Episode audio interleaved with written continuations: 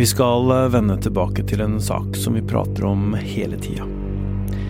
Vi prater om den i gangene på jobb, ved pultene våre, ved kaffemaskinen, i intervjuer og av og til hjemme. Mange personer har prata med oss om denne saken. Krimgruppa i VG har skrevet utallige artikler og fulgt saken siden 2018. Noen ganger så rister vi nesten oppgitt på hodet, for hvordan i all verden skal man klare å løse denne kompliserte og brutale krimsaken? Politiet og de pårørende står fortsatt uten svar på noe av det aller viktigste. Hvem står bak ugjerningen? Det er snart fire år siden Anne Elisabeth Hagen forsvant fra sitt hjem i Sloraveien i Lørenskog. Politiet har etterforska saken siden dagen hun forsvant. Det har vært en intens etterforskning med høy prioritet. Men nå Nå slutter alle etterforskningslederne og en politiadvokat i Lørenskog-saken. Fire sentrale personer. Hva som er årsaken til det, skal vi prate mer om. Og ikke minst, hva har dette å si for oppklaringen av forsvinningen? Jeg heter Tor Erling Tømt Ruud, og velkommen til Krimpoddens høstsesong 2022.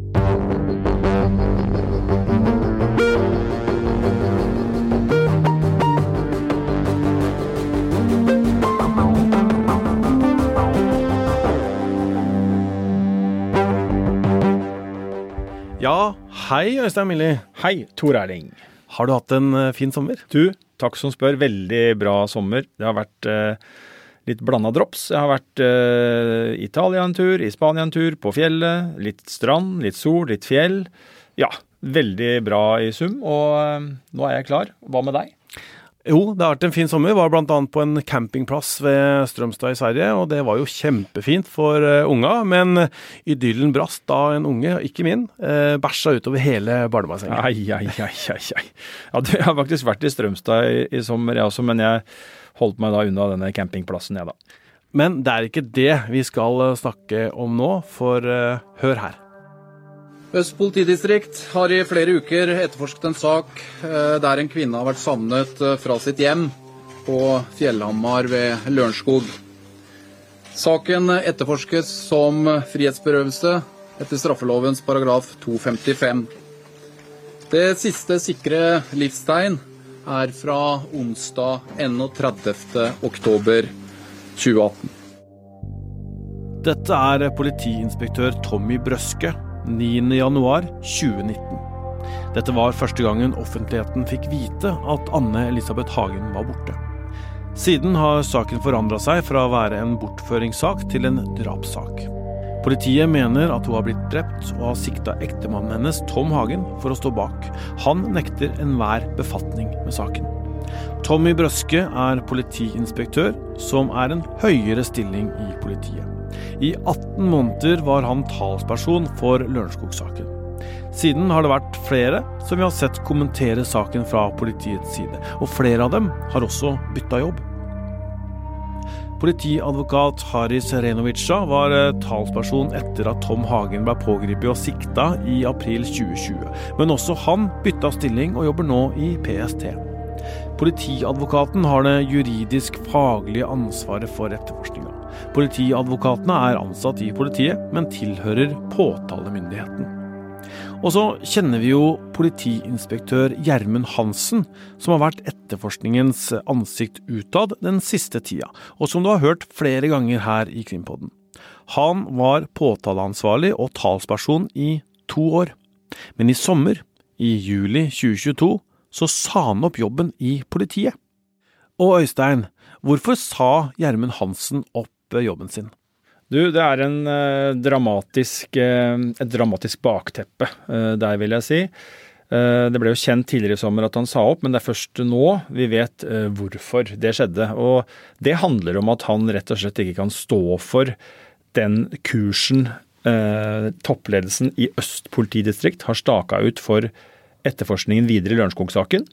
Han mener det ikke er faglig ansvarlig, og har tatt konsekvensen av det Og eh, slutter ikke bare som påtaleansvarlig på saken, men han slutter i politiet. Altså har sagt opp jobben sin. Så det er eh, veldig spesielt. En eh, situasjon jeg aldri har sett maken til. Og er dramatisk, og vil jo nå det er et stort spørsmål i lufta nå. Det er jo hva skjer videre med Lørenskog-saken når vi ser at det er en sånn ekstrem situasjon på innsida av etterforskningen. Men det er jo ikke bare han som slutter, det er flere?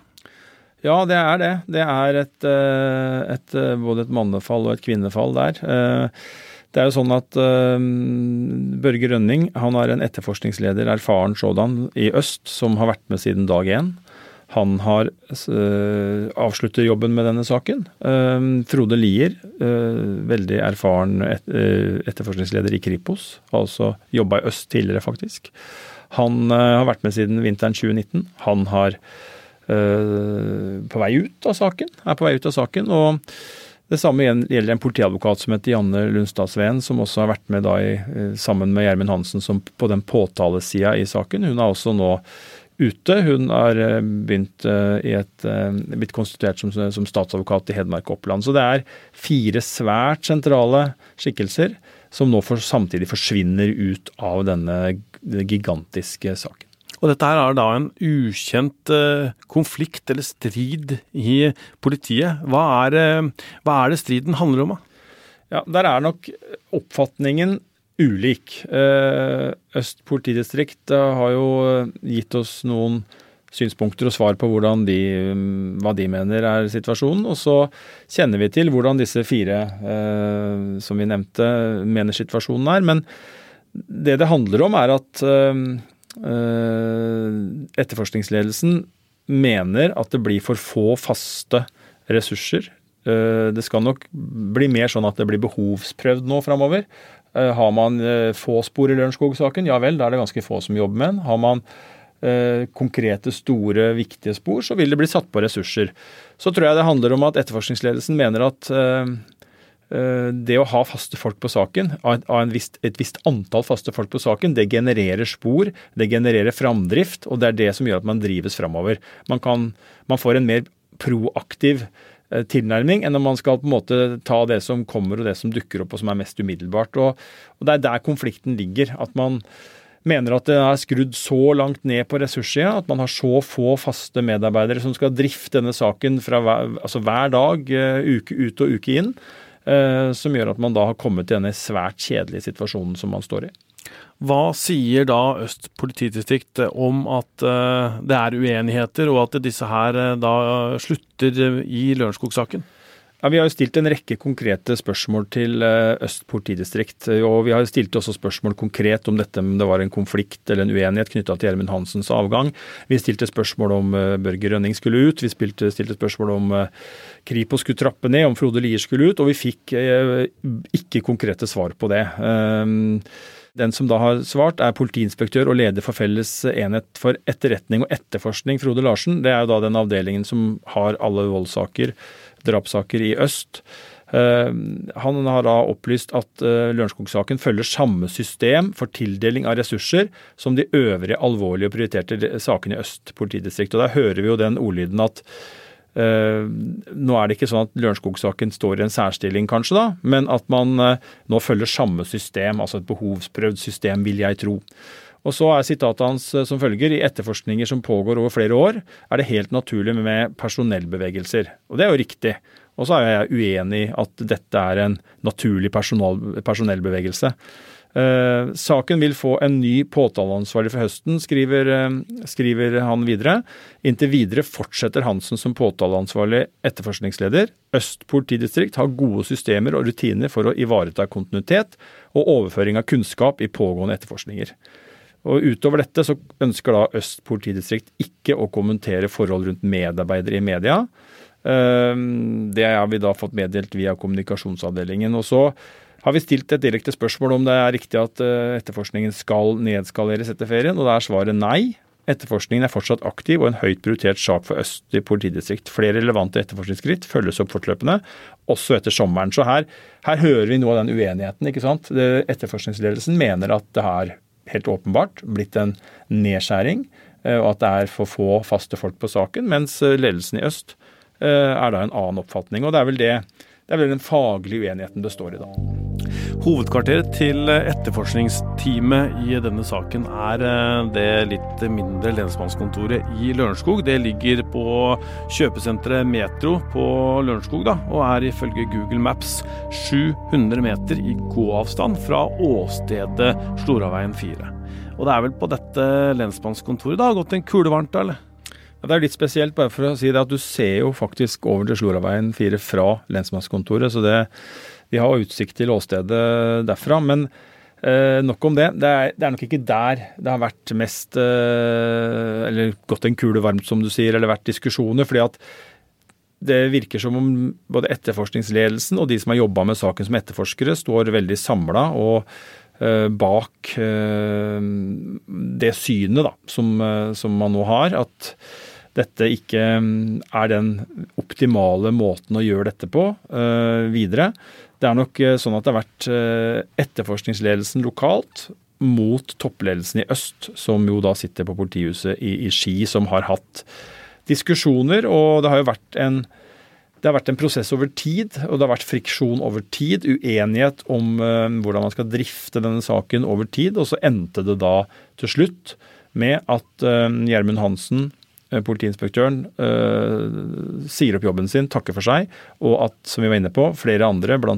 to etterforskningsledere, forsvinner ut av saken. Eh, det er jo ikke sånn at Øst politidistrikt har bekrefta alt dette, og de vil jo ikke kommentere på en måte om det er noen konflikt eller strid her heller. Hvordan veit vi i VG det da? Ja, vi har jo brukt klassiske journalistiske metoder for å finne ut det her, og har jobba med dette over tid. i i løpet av sommeren. Og eh, mener nå at vi har kommet til et eh, punkt hvor vi har et eh, fyldig og dekkende bilde for hva som skjer, og mener at dette er av stor offentlig interesse. At det er interne uenighet på dette nivået rundt etterforskningen i en av de største og mest voldsomme kriminalsakene, nøye planlagte kriminalsakene vi har sett i nyere tid, eller kanskje for alltid, det, det mener jo vi må frem. og og det ja, kan man jo si at man kanskje skulle ønske at eh, politiledelsen i øst også hadde hatt et litt annet syn på. Hva sier eh, Gjermund Hansen sjøl, da? Nei, Han eh, sier eh, svært lite. Eh, han har bare gitt en, en kort uttalelse om at han av hensyn til den videre behandlingen av saken ikke ønsker å kommentere saken, og viser videre til at han har sagt opp stillingen. Og at han blir utnevnt, det blir utnevnt en ny påtaleansvarlig, altså en ny erstatter, eller en erstatter for han. da. Og Hva sier eh, Rønning, Lier og Lunstadsveen? Nei, De er helt tause, vil ikke kommentere uh, noen ting. Uh, så det, det, er der det står. Ok, da veit vi at det har vært en, en konflikt internt i uh, politiet her. hva har det å si at hele etterforskningsledelsen i en så omfattende etterforskning slutter? Nei, Det er uheldig og dramatisk, eh, og potensielt også skadelig for, eh, for den videre ferden her. fordi at vi må huske at dette, Det er jo ikke unaturlig at det slutter noen i løpet av en så lang etterforskning, men det som er helt ekstremt, er jo at fire av, altså alle de fire, fire av de mest sentrale de går samtidig, og de går pga. en uenighet. Det er eh, det er ikke bra. Eh, så jeg eh, håper jo, og jeg forutsetter jo nå at eh, man setter nye folk på saken, og at man virkelig fortsetter å engasjere seg og få dette få, Komme til en løsning, hvis det er mulig. Og det er jo ikke sånn at Øst politidistrikt ikke ønsker en løsning, at toppledelsen ikke ønsker en løsning. Det er jo helt åpenbart. Alle har det samme målet. De ønsker å oppklare denne saken her. Men det er da en eh, uenighet om hvordan man skal eh, rigge saken og hvordan man skal jobbe med den, som har gjort at vi står i denne triste situasjonen. Jo, men så har man jo da holdt på med dette her i, i fire år da, og etterforska denne saken. Man har ikke kommet med en løsning. Er det ikke da helt naturlig at uh, politidistriktet ser at her kan vi ikke bruke så mye ressurser eh, lenger. Det er andre ting som, som venter, det er andre ting som skjer også. Er, er, hva tenker du om det? Jo, det er en helt legitim eh, diskusjon. Og det er klart at Lørenskog-saken har lagt beslag på enorme ressurser og har helt sikkert gått utover andre alvorlige saker. Eh, og det å skulle vekte ressursbruken i politiet, det er jo viktig. Uh, det er mange som utsettes for alvorlig kriminalitet, og hvis man bruker mye ressurser på noe, så sier det seg sjøl at det blir mindre til noe annet. Ehm, og så må man jo, tenker jeg, reflektere over at ehm, hvert fall Min tanke er at når dette skjer nå, så, så ser jeg jo ikke for meg at toppledelsen i Øst politidistrikt mener at man står rett foran et gjennombrudd og at saken er i ferd med å bli oppklart.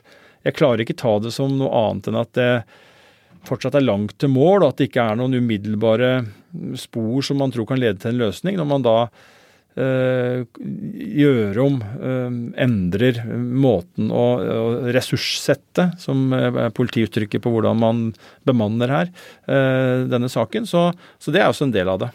Hvilke konsekvenser kan det få? I verste fall Eh, så ødelegger dette, svekker dette muligheten for en oppklaring. Eh, det forsvinner mye kompetanse ut nå, det er ikke bra.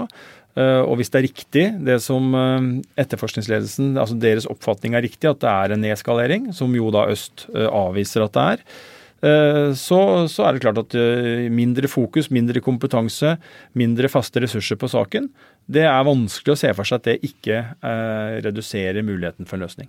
Men så er det jo flere som har bytta jobb og fått forskjellige roller. Vi nevnte jo Brøske, han har en ny rolle i politiet. Renovica, politiadvokaten, han har en annen jobb i politiet. Det er jo ikke sånn at de også har slutta av uenigheter, eller? Nei da, absolutt ikke. Og, folk bytter jo jobb. Det skjer, det skjer ofte. Det er jo ikke sånn at, at, du har vært programleder i Krimpodden de 14 åra du har jobba i VG heller, og kanskje blir du heller ikke programleder i 14 år fremover. Men det som jo er spesielt her, er at uh, det handler ikke om at man går til en annen jobb, eller at man skal begynne å gjøre noe annet av si, egen fri vilje, eller at man blir bedt om å, om å gjøre noe annet. Det er folk som sjøl ønsker å forlate sine poster, og som i ytterste konsekvens sier opp hele stillingsforholdet sitt i politiet, som Gjermund Hansen gjør. Rett og slett fordi at en ikke kan stå bak den retningen som nå Eh, er bestemt at denne saken skal eh, ledes i. Og det, det skiller seg jo da, Den situasjonen skiller seg jo drastisk fra en eh, vanlig på å si, glidning av, av folk som kommer og går i, i ulike stillinger og i ulike saker. Du har da etterforskningsledelsen i en etterforskning. Eh, de har på en måte ansvaret for den, men over der igjen så er det statsadvokatene som på en måte har, eh, er ansvarlig for etterforskninga. Og i, denne saken så er det statsadvokaten i Oslo som, som har dette øverste ansvaret. Og der er det til enhver tid én statsadvokat som har denne saken, altså Lørenskog-saken, i porteføljen sin, og som følger med på saken. Men også der har det vært bytta statsadvokater hele tre ganger. Hva har det å si? Nei, altså det er klart, Generelt sett så kan man si at det ikke er heldig at det byttes øh, folk ut. Og så kan vi jo, før jeg svarer på spørsmålet, legge til at det at man får nye, friske øyne inn i en sak, øh, det skal man heller ikke kimse av. Og det kan jo hende at det kan bli en fordel også når vi snakker om den situasjonen da, som vi opplever som dramatisk og uheldig nå, at hele etterforskningsledelsen forsvinner ut. Det kan jo hende når fasit skrives at det ikke hadde gjort noen skade, eller at det gjorde at det kom folk inn med nye perspektiver som gjorde at man uh, fant nye veier. Det får vi jo bare håpe, og det får vi bare se an. Men, men uh, tilbake igjen til uh, statsadvokatene. Nei, altså statsadvokatene har jo ikke noe voldsom stor rolle per nå. Altså Saken er fortsatt under etterforskning. Den ligger da hos politiet. Så statsadvokaten som er på saken, eh, har et mer sånn overordna blikk. Eh, blir orientert og blir konsultert hvis det er noe spesielt, men, men, det er liksom ikke der saken ligger. Det er hos politiet, det er de som jobber med den hver dag. Um, og um, Derfor så er ikke det at det har vært bytta statsadvokat på langt nær like dramatisk som den situasjonen vi står i nå, hvor alle i etterforskningsledelsen forsvinner ut.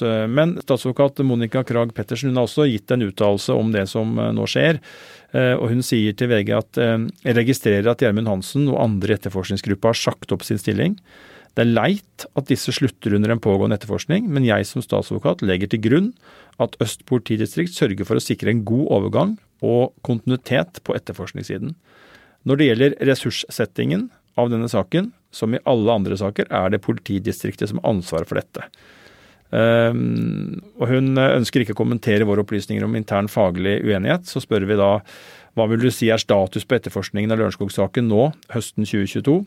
Og da sier hun nettopp det som vi var innom. Saken er fortsatt hos Øst politidistrikt, og den er ikke oversendt hit for påtaleavgjørelse. Altså, ja, Det vil si at det er ikke noen løsning? Nei, ikke noen løsning, og heller ikke noen innstilling fra politiet. For nå skal jo politiet etter hvert innstille på om saken skal uh, henlegges mot uh, da de to som er sikta, eller om da skal reise tiltale mot dem, eller eventuelt om det dukker opp da nye siktelser fremover. Så den er den er jo fortsatt da under etterforskning, som vi venter på. Men hun har tro på at uh, det vil bli en god overgang og kontinuitet i etterforskningen. Uh, Veit vi hvem som skal ta over uh, lederskapet her, eller? Det vet vi ikke enda, men det regner jeg med at blir kjent veldig snart. Jeg regner med at man jobber hardt nå med å få på plass et, et nytt lederteam, og at man kommuniserer det ut så fort det er klart, sånn at vi får Eh, allmennheten får vite hvem som skal lede etterforskningen videre, og kanskje få vite noe mer om hvordan politiet ser for seg at dette skal, eh, arbeidet skal foregå. Vi har jo disse to sikta, da. Det er Tom Hagen, ektemannen, og denne mannen i 30-åra som, som, ble kalt kryptomannen, som fortsatt er eh, sikta i denne saken. Hva skjer med dem? Hva slags konsekvenser får det for dem? Og, og hvis dette her er en slags nedtrapping, hva, hva skjer da? Ja, I første omgang skjer det jo ingenting. De er jo som du sier fortsatt sikta. Eh, og så vet vi at det er jo flere som eh, er utålmodige med tanke på at noen må ta stilling til eh, den siktelsen. Men, men, det som skjer her nå, det har jo ikke noe innvirkning på det direkte. Men det som det kan få en, som en følge, da, det er jo at hvis det nå viser seg at dette er første steg mot en nedtrapping, og etter hvert også en henleggelse av eh, siktelsene mot den såkalte kryptomannen og Tom Hagen, og det ikke kommer noen andre svar, noen andre gjerningspersoner, så frykter jeg at de vil gå med mistanken eh, planta på seg eh, i uoverskuelig framtid. Det har jo vi sett i en sak vi begge kjenner veldig godt, Birgitte Tengs-saken. Mm. Fetteren har jo gått, til tross for en blank frifinnelse i lagmannsretten, med mistanken hengende over seg alle disse årene. Han var avhengig av, og er avhengig av, at en annen mann blir eh, sikta for eh, drapet, og så får vi se om han blir dømt. Men hvis det skjer, at den mannen som nå er sikta blir dømt for drapet, først da tror jeg fetteren kanskje for alvor slipper all mistanke. Altså det motsatte må bli bevist før han kan slippe mistanken. Og Det kan jo bli situasjonen for de to i Lørenskog-saken også. Hvis denne saken bare fades ut. Det var det vi klarte. Vi sikta Tom Hagen og denne kryptomanen ingenting annet, så frykter jeg at det blir det samme, noe av det samme bildet som vi har sett i bl.a. den saken vi snakka om nå. Anne-Elisabeth Hagen og Tom Hagen har jo også barn. De er jo voksne, da, men er også pårørende her. Og, og, og hva tenker de eh, om det som skjer? Nei, de har jo vært kritiske til politiet lenge, og de har jo havna i, eh, på, si, på, kant med politiet etter at eh, Tom Hagen ble pågrepet. Barna er jo klokkeklare på at faren ikke står bak. Ehm, og eh, er jo eh, selvfølgelig veldig, veldig innstilt på å få et svar hva som, på hva som skjedde med mora deres. Eh, har ikke hatt den største tilliten til politiet. og Jeg tror vel ikke at den konflikten nå og det de ser nå, er med på å øke, øke den tilliten, kanskje, men det får, jo, det får jo tida vise. Og du har jo sagt at det som skjedde med moren deres, det får vi et svar på i løpet av 2022. Du har jo på en måte eh, sagt at du tror på en eh, løsning. Hva, hva, tror du nå? Ja, men jeg har også sagt at jeg skal være den første til å rekke hendene i været og si at jeg tok feil. Og det kan godt hende at jeg begynner å løfte litt hendene fra knærne som jeg sitter på nå ganske snart. Fordi at eh, ja, det er bare å erkjenne det. Jeg har trodd at det har vært har tolka signalene som at det har vært framdrift, og at man har hatt uh, gode spor. og Det har, jo dukka opp spor også i offentligheten nå før sommeren som uh, tyda på at man kanskje fortsatt hadde noe å gå på som kunne lede frem til en løsning. Men uh, jeg har jo nå brukt noen dager og uker på å tenke over om dette kanskje er en dårlig analyse fra min side, og at det kanskje er verre og vanskeligere å få en svar enn jeg håpa. Og ja, jeg jeg håper jo at det er feil fortsatt, og jeg håper jo nå at eh, Øst politidistrikt, og jeg er sikker på at de også gjør det, jobber for fullt med saken, setter på nye folk, og at de som skal jobbe med nå, får det beste verktøyet og beste utgangspunktet for å løse denne saken. Eh, og jeg er helt sikker på at eh, til tross for den konflikten som er nå, så, så har denne saken høy prioritet. Og man ønsker jo, som jeg har vært inne på før, selvfølgelig en løsning. Det gjør alle. Men det er jo trist at man skal få sånne hindre på veien, da, som jeg mener man ser nå. Vi skal i hvert fall eh, følge med på Lørenskog-saken utover høsten, for nå er eh, vi i gang igjen. Det er vi. Det var eh, deilig å komme i gang igjen, og vi er jo klare for en spennende høstsesong. Det er veldig mye som vi vet kommer til å skje, og så dukker det alltid opp noe som vi må ta tak i, så um, her er det bare å henge på. Krimpodden kommer selvsagt da til å følge de aller største sakene denne høsten. Baneheia-saken eh, skjer ting i, det kommer rettssak i Birgitte Tengs-saken, og denne Lørenskog-saken. da. Men vi jobber jo også med andre krimsaker som eh, vil komme i podkastfeeden din utover sesongen. Og hvis du som hører på har lyst til at vi skal se nærmere på, på en sak, eller har tips til oss, så send oss en mail på krimpodden at vg.no, eller sjekk ut eh, Facebook-sida vår også. Der svarer vi også så godt vi kan. Det er krimjournalistene Gordon Andersen, Ådne Husby Sandnes og Morten Næss Hopperstad som står eh, for journalistikken i denne episoden. Øystein Milli eh, var med, og Vilde Worren er produsent for eh, Krimpodden. Jeg heter Tor Erling Tømt Ruud.